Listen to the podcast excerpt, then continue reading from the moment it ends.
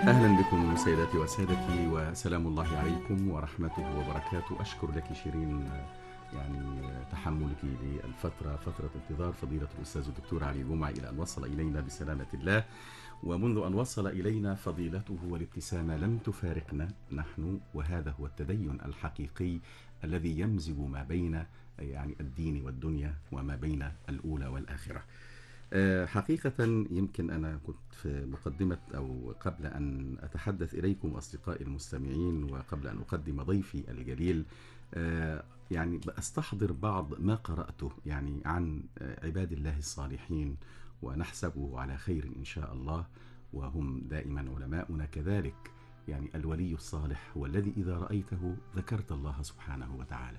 ونحن مع أول أيام شهر رمضان المبارك ونحن نلتقي بعالمنا الجليل الذي تولى موقعا رفيعا في مصرنا منذ عام 2003 وحتى عام 2013 مفتي جمهورية مصر العربية. حصل على درجة الدكتوراه من جامعة الأزهر في العلوم الدينية والشرعية.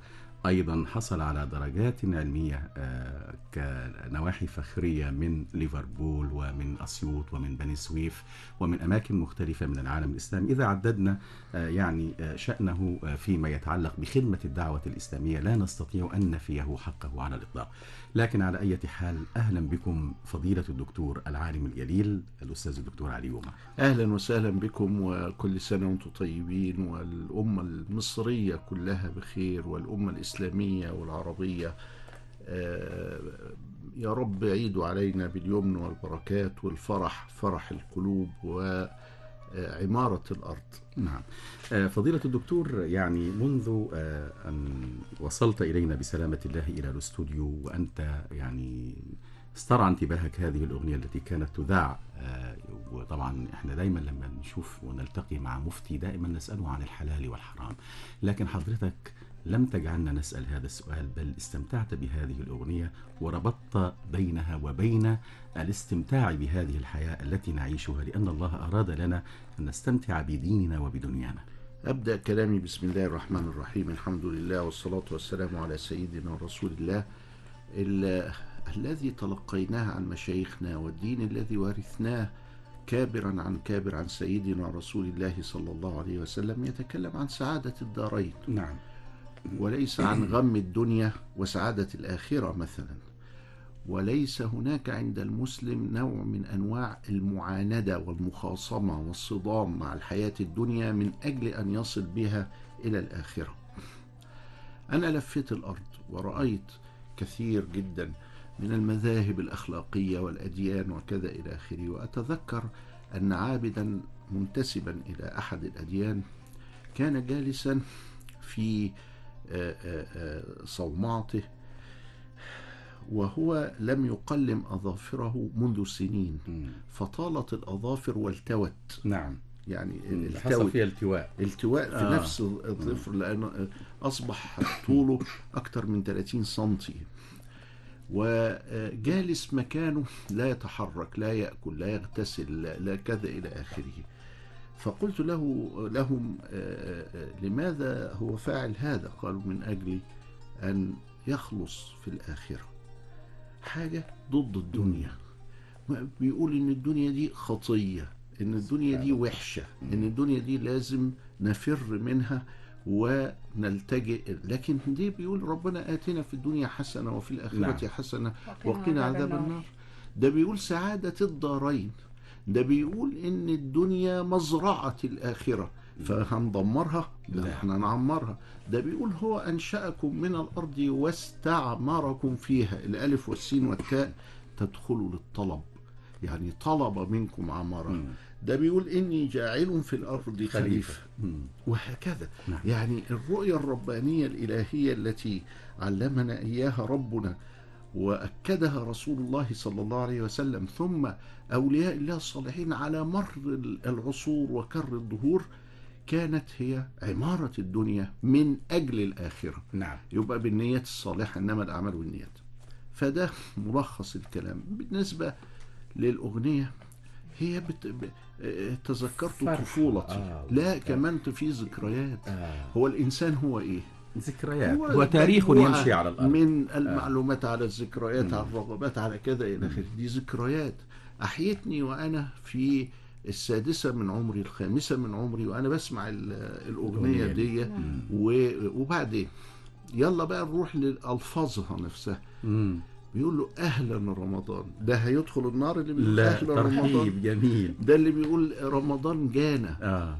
رمضان جانا. بفرحة آه. نعم. بفرح يعني ده فرحان مم. بهذا الشهر استبشر اللي فيه أنزل القرآن واللي فيه تقيد وتصفد الشياطين واللي فيه المعونة وال- واللي فيه ليلة القدر واللي فيه استجابة الدعاء واللي فيه زكاة الفطر واللي فيه إن رمضان بيلمنا وبيجمعنا نعم. وإنه فيه واللي فيه كله ده هو بيرحب بيه ده يبقى ضد ال- الدين يعني وبيكره ربنا يعني كده. ولا ولا بصوته الرخيم الجميل وب ب... ب... كلام. حسنه حسن وقبيحه قبيح. ده من الحسن. صحيح. وصوت الموسيقى دي صوت. حسنها حسن وقبيحها قبيح. ده صوت حسن هو خلاني أعيش ذكرياتي. فضيلة الدكتور علي جمعة يعني القصة اللي حضرتك آه، تفضلت بذكرها يستلهم منها الشباب وأنا منهم أن الفوز بالآخرة لا يتنافى مطلقا مع الاستمتاع بالحياة.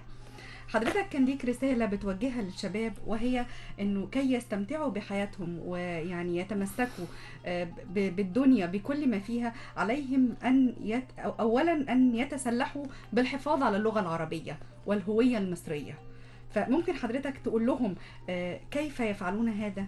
الهوية المصرية دي كلمة تعني أمرين تعني نعم. حضارة الإسلام وشوف الكلام بدقة مم. حضارة الإسلام مش دين الإسلام حضارة نعم حضارة الإسلام الحضارة دي عبارة عن إيه؟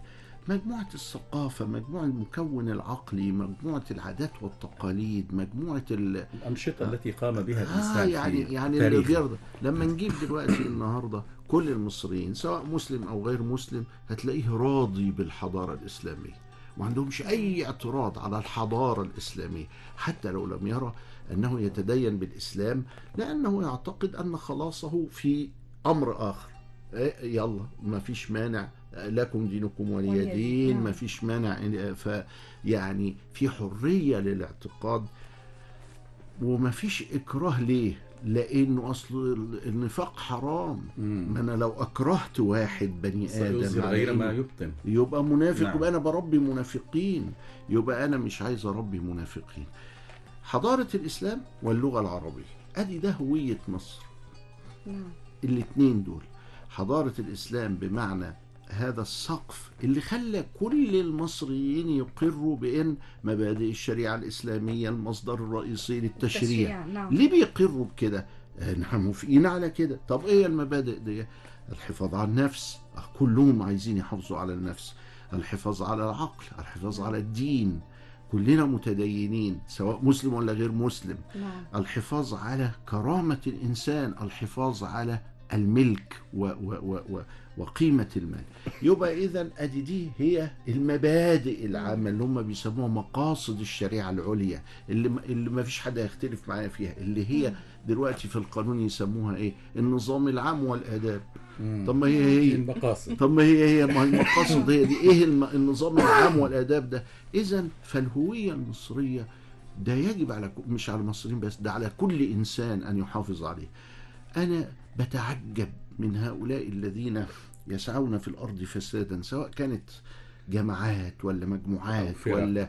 ولا أجهزة ولا دول ولا كذا إلى آخره هم ما همش عارفين أن الهوية المصرية المكونة من هوية الإسلام أو حضارة الإسلام واللغة العربية أنه يجب على الإنسانية أن تحافظ عليها مش على المصريين بس ده نعم. المصري هو ده اللي, اللي قال فيه مصطفى كامل لو لم أكن مصريا لوددت أن أكون الهوية مصرياً. واللغة لوددت أن نعم. أكون مصريا. نعم. هذه اللغة الرائقة الفائقة العبقرية. هذه اللغة التي يعني أنا مش عايز أقول نزل بها القرآن الذي هو مبهر بهذه ال- الكيفية.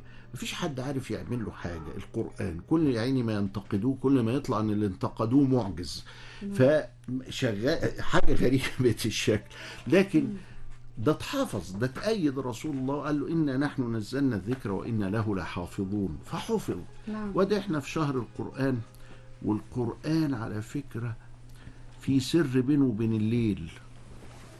إنا أنزلناه في ليلة مباركة. مباركة. إنا نعم. كنا منذرين فيها يفرق يفرق كل كل أمر أمر حكيم. حكيم. نعم. إنا أنزلناه في ليلة القدر وما أدراك ما ليلة القدر. نعم.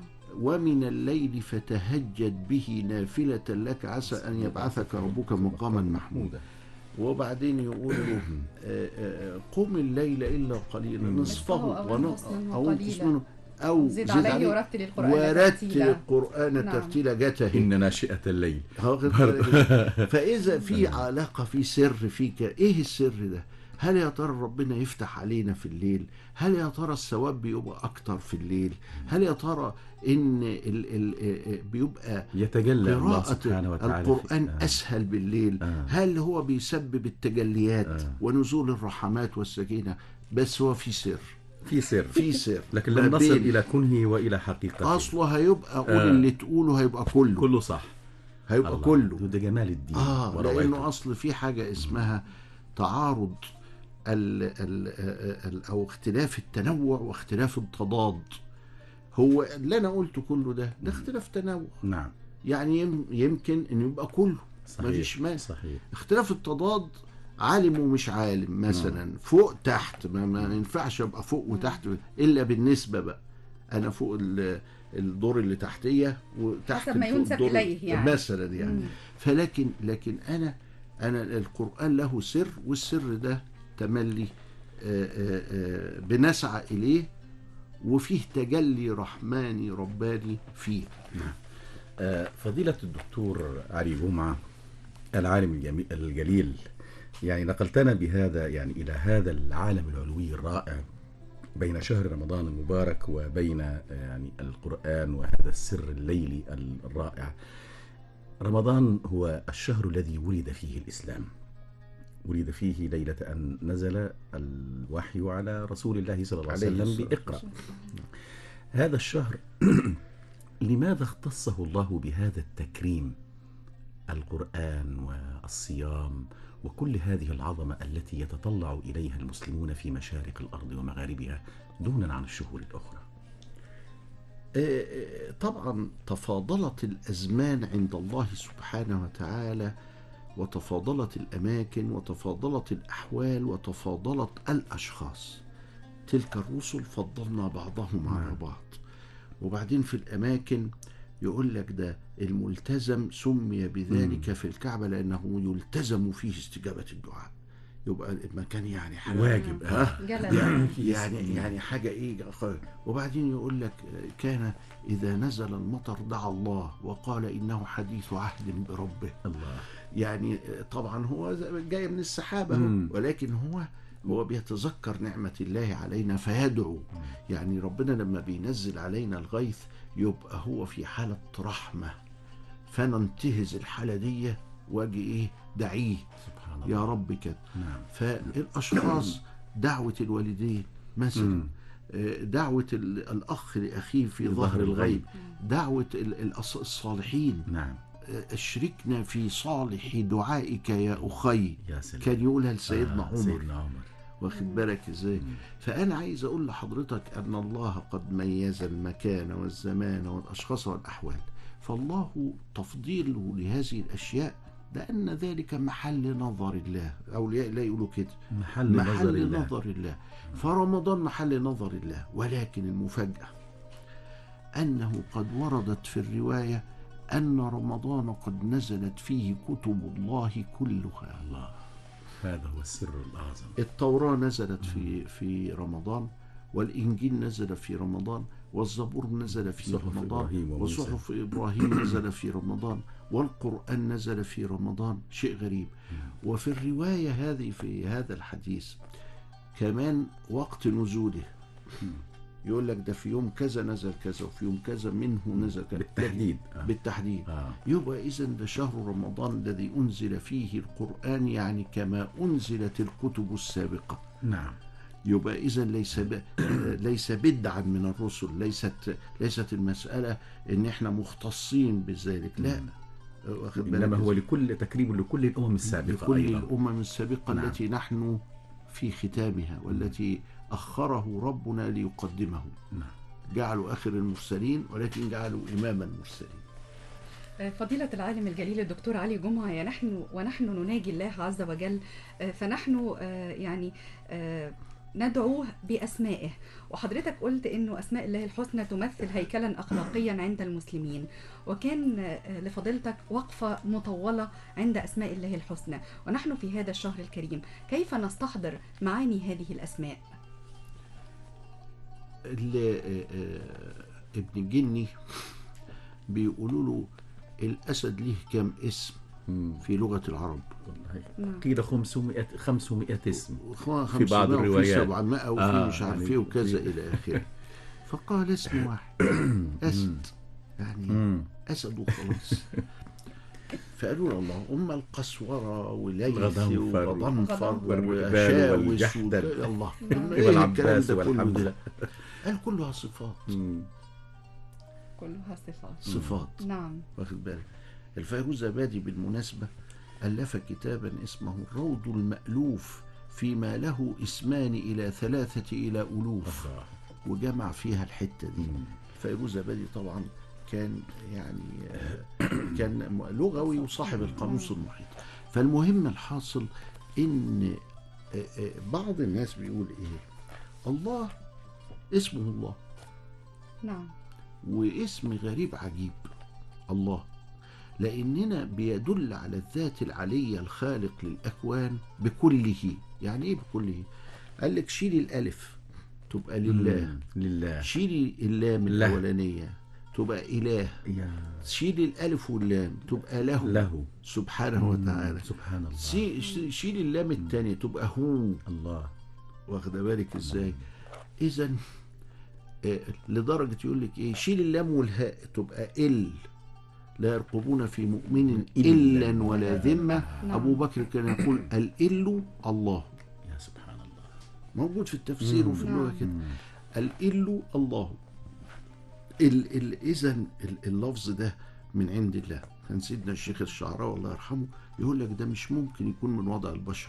إيه اللي عرفهم الحكاية دي. ثم إن هذه الخاصية لا توجد في لغة ابدا. God اللي بالإنجليزي أيوة. لو شلنا ال G ال G ما ينفعش. ما ينفعش. ال O ما ينفعش. لا تصلح كلمة حتى لا تصلح. لا. وهكذا ديو ومش عارف خضاي وكذا آه. كل البتاع. ف ف فال فاسماء الله ال ال الأسماء الله هو اسم واحد طب ما الباقي ده إيه؟ صفات. طب نعم. ليه سميناها أسماء؟ نعم. لأنها إذا أطلقت ذهب الذهن إلى, إلى الله, الله سبحانه مين وتعالى. الرحمن مم. هتقول يا الله. ربنا طبعا.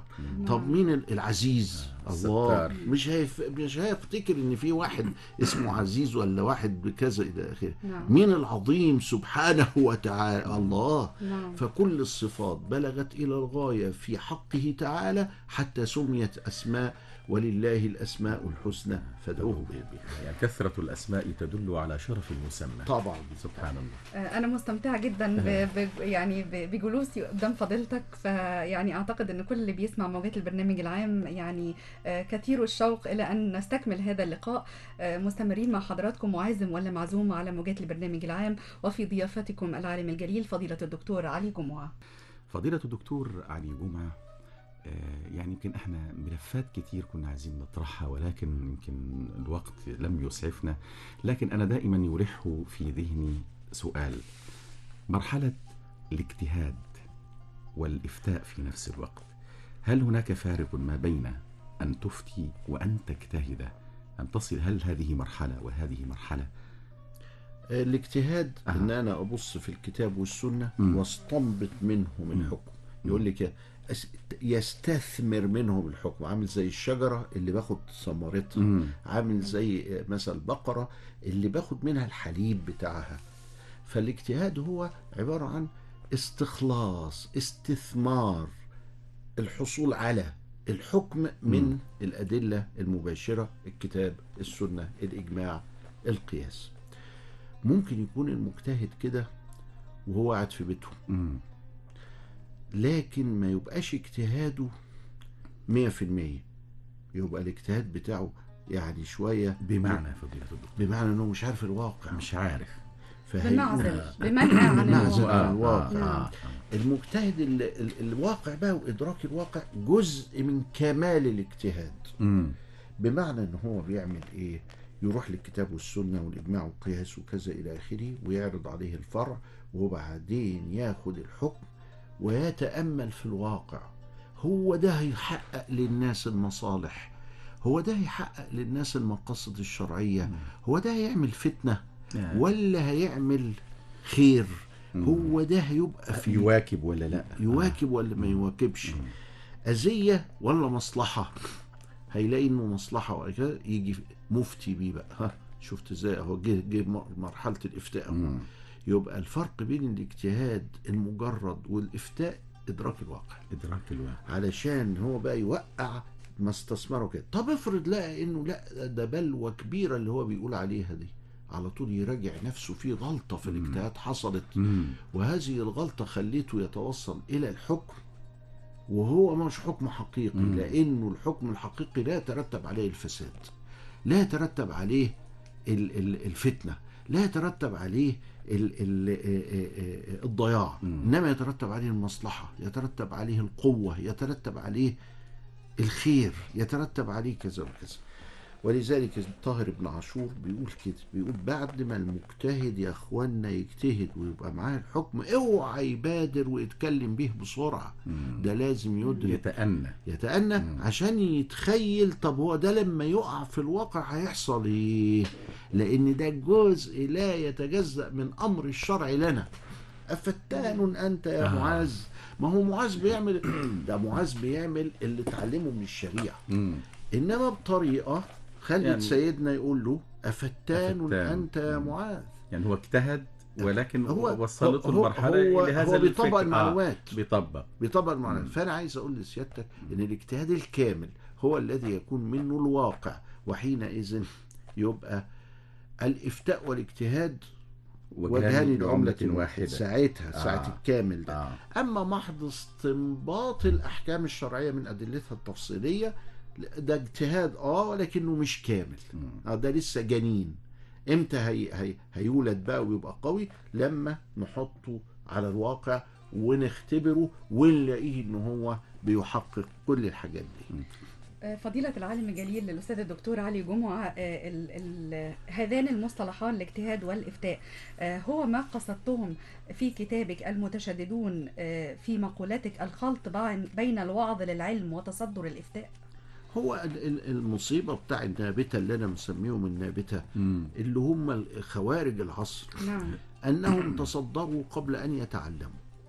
أصبحوا في الإذاعة والتلفزيون وأصبحوا ليهم حتى ده بعضهم ليه برامج مواقع وساعات و- محددة لا ده ليه قنوات. قنوات, قنوات خاصة. قنوات. نعم.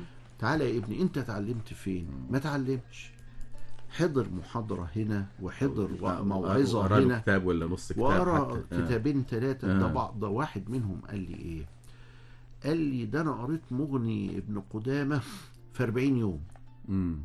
وبيفتخر أنا لغاية النهاردة ما خلصتش مغني ابن قدامة بعد 42 سنة دراسة مم. فعرفت انه إنه ده هش ده ده ده كده ده علم هش اللي يخلص ابن قدامة في 40 يوم ده ما ده خطير. يعني ما فيش خالص. ده. خطير. ده ده ده كلام فاضي. ابن قدامة بنقعد فيه الصفحة علشان نشرحها ممكن في سنة. يا سبحان الله. صفحة.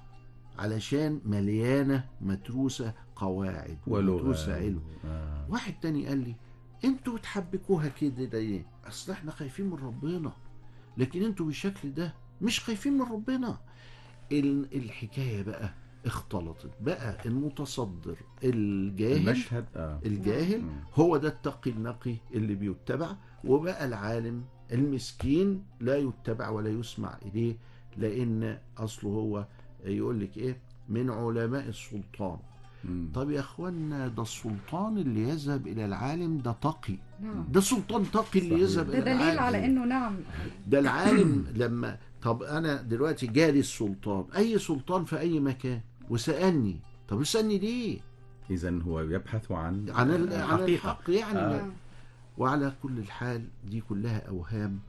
وكلها آه، تناقضات وكلها سطحيات طب مكمن الخطأ معلش يا فضيلة الدكتور يعني يقع عند من وحضرتك قلت إنه بيتصدر المشهد شوفي هو آه، للأسف اللي لديه القشور وليس شوفي العمق في أواخر القرن ال 19 وعائلة محمد علي بتحاول أنها تصل بالناس إلى العلم نعم كان في حاجة اسمها طب الركة وطب الركة ده اللي هو زي ما تقولي الطب الشعبي طب نعم. الركة.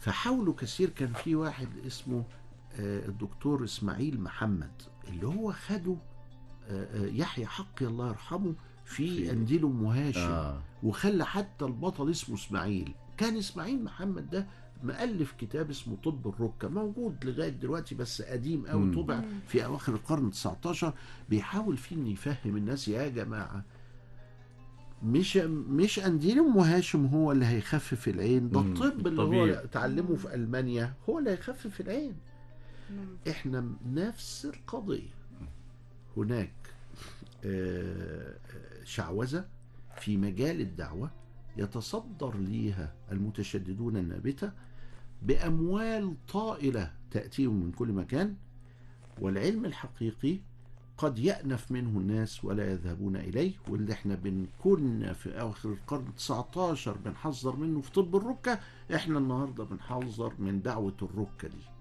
دي دعوة ركة. ركة يعني إيه؟ يعني حاجة نبت شيطاني. لا أساس له من العلم لا أساس له من التقوى لا أساس له من الواقع لا أساس له. عشرة حاجات هم مفتقدينها. لا يدركون الواقع لا يدركون النص لا يدركون الوصل بينهما لا يدركون التقوى لا يدركون المآلات لا يدركون المصلحة لا يدركون المقاصد لا يدرك عشر حاجات.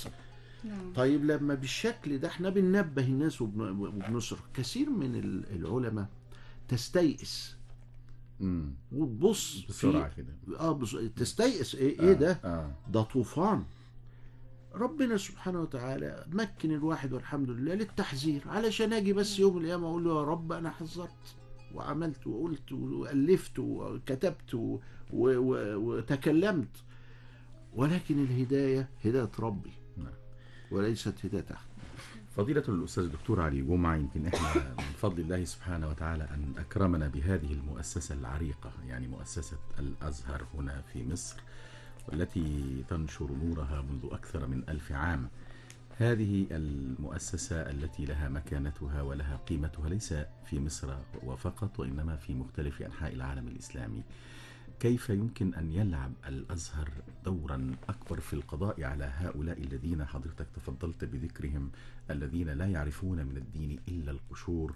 وبعدين مش بس في مصر في مختلف أنحاء العالم حتى باللغات الأخرى وليست اللغة العربية وفقط. يعني يمكن الإجابة على كلام سيادتك دلوقتي يمكن سمعناه في الاستراتيجية اللي أطلقها فضيلة الإمام نعم. وهو تأخر في إطلاقها من أجل أن يقول أنني قد صنعت مش أنني سأصنع.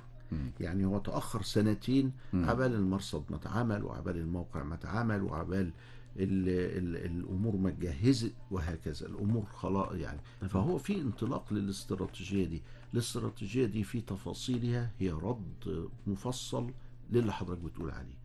فإحنا بنبارك هذه الاستراتيجية بنتمنى تمامها و... و... أنت واخد بالك لما. الواحد يعني الثمرة تطلع بس لسه ما استوتش يعني ما- ما آه، يعني اتقطفتش. آه. ما اتقطفتش. تنضج بعد مم. بس الأمور دي بتحتاج إلى آه، آه، وقت أنا أتذكر إن سيدنا الشيخ عبد الحليم محمود رحمه الله تعالى. جه ولقى الهرم مقلوب في في الأزهر يعني. إيه الهرم مقلوب يعني عدد الأولاد اللي في ابتدائي أقل من إعدادي واللي في إعدادي أقل من ثانوي واللي في ثانوي أقل من الجامعة قال الله ده كده الأزهر يقفل مم. لأنه كمان 20 سنة الأزهر مفيش. يقفل آه. فدعا الحكومة لأن هي ساعتها تتوسع في تتوسع المعاهد في إنشاء المعاهد رفضوا. قالوا ما معناش فلوس وإحنا في معركة وبتاع ومش عارف إيه ولا صوت يعلو فوق صوت المعركة فخاطب الناس فالناس بنت في كل حتة معهد لغايه. ما بقى عندنا 10000 معهد. ما شاء الله. إحنا عندنا 1950 عندنا 15 معهد بس في القطر. النهارده مم. 10000 معهد. ما شاء الله. سنة 50 إحنا كنا 17 مليون. النهارده أقول 90 90 95 95 مليون يعني مضروبة في 6 مثلا. ف 15 في 6 بكام؟ 90 ب برضه. 90 ولكن ما هيش ب 10000 لا. يعني لو كنا ع- آه، 15 في 6 عملنا 90 معهد كنا هنبقى وفينا وكفينا. لا ده إحنا عملنا 10000 معهد. يبقى إيه؟ الأزهر شايف شغله وماشي كويس. طيب فين بقى الثمرة؟ لما عمل كده فتح لناس ساقطين الإعدادية وساقطين الابتدائية إنهم يدخلوا الأزهر. كنا في سنة 85 نجيب الواد من دول وهو في بكالوريوس. مش حافظ الفاتحه يبقى إحنا في ورطه طبعا. ده في بكالوريوس ومش حافظ ليسانس ومش حافظ الفاتحة تبقى مصيبة. قفلنا ال- ال- النزناز ده وعدلنا المناهج. النهارده أنا بتكلم بعد 30 سنة. 85 النهارده واحد آه، 31 سنة. العيال حافظة القرآن بالقراءات العشر. ومن- ومنذ الصغر كمان بيحفظوا ومن الص- الله آه. يبقى ال- الوضع اتغير. اختلف أكيد. فين الواد اللي ما كانش عارف ده؟ الولد اللي, اللي ما عرفش الفاتحة ده اتحال على المعاش دلوقتي وخلاص. فالدنيا عايزة وقت. علشان نرجع مرة تانية إلى مجد الأزهر العريق الجامد ده ولكن أدام النية موجودة موجود. ما دام العمل موجود ما دام الأمل الفسيح موجود أنا مستبشر خير لأنه هيعدل نفسه وهنصل مرة تانية وأصل مصر محروس. محروسة بعناية الله سبحانه وتعالى. آه، طب هو إحنا لنا خمس دقائق فقط وبرنامجنا اسمه عازم ولا لا بس معزوم؟ قبل يا طيب ماشي يا حضرتك في الاستراحة قلت لي أنتوا لسه ما سألتونيش عازم أيوة. ولا معزوم؟ النهارده أنا عازم. عازم. النهارده أنا عازم لأن يوم والأحفاد آه لازم. مم. الأولاد والعيلة كلها الكبيرة. يعني مش العيلة الصغيرة. تملي لازم أول رمضان آه، أنا متزوج آه، آه، أم الأولاد آه، هي كبيرة ال- ال- إخواتها نعم فالكل لازم كله يأتي عند في العيلة آه, آه. من الطرفين طبعاً. يعني. آه من الطرفين و... آه. وأنا عميد ال... عميد العائلة العائلة طبعا يعني فكل العائلة مم. لازم آه، بتتجمع على الأقل ثلاث مرات أو أربع مرات يعني في على يوم مدار. الشهر في آه. يوم عاشوراء. لازم نتجمع مم. أول رمضان ده لابد مم. في العيدين الأعياد. آه، الأعياد لازم يوم العيد آه، الكل يبقى موجود. فدي مناسبات طيبة حلوة جميلة ربنا خلقها لنا.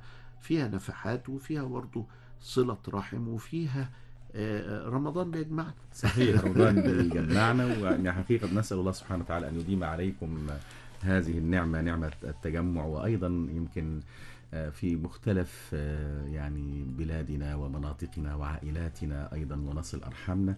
فضيلة الدكتور قبل أن ننهي حوارنا مع فضيلتك يعني ادعو لنا ونحن على موجات البرنامج العام بدعاء تخصنا به ومستمعينا. اللهم صل وسلم على سيدنا محمد في الأولين والآخرين وفي كل وقت وحين. اللهم اشرح صدورنا اللهم نور قلوبنا اللهم اغفر عوراتنا واغفر ما قصرنا به يا أرحم الراحمين وانقلنا من دائرة سخطك إلى دائرة رضاك وأحينا مسلمين وأمتنا مسلمين غير خزايا ولا مفتونين واحشرنا تحت لواء نبيك يوم القيامة واسقنا من يده الشريفة شربة ماء لا نظمأ بعدها أبدا. اللهم اهدنا فيمن هديت وعافنا فيمن عافيت وتولنا فيمن توليت وبارك لنا فيما أعطيت. واجعل القرآن الكريم ربيع قلوبنا وجلاء همنا وحزننا. واجعله حجة لنا ولا تجعله حجة علينا. علمنا منه ما ينفعنا وانفعنا بما علمتنا وتقبل منا صالح أعمالنا. تب علينا واغفر لنا فنحن في حاجة إلى رحمتك ولست في حاجة إلى مؤاخذتنا. اللهم ارض عنا برضاك وارحمنا برحمتك واعف عنا بعفوك. اللهم أدخلنا الجنة من غير حساب ولا سابقة عقاب ولا عتاب ومتعنا بالنظر إلى وجهك الكريم وأعنا على ذكرك وشكرك وحسن عبادتك. اللهم اجعل هذا الشهر الكريم شهر خير ويمن وبركات على مصر وعلى العرب وعلى المسلمين وعلى سائر العالمين يا أرحم الراحمين. اللهم هب مسيئنا لمحسننا واغفر لنا جملة واحدة. اللهم يا رب العالمين اعف عنا استرنا اهدنا ارزقنا. اللهم حقق آمالنا. اللهم اغفر لنا خطيئاتنا يوم الدين وصل اللهم على سيدنا محمد وآله وصحبه وسلم.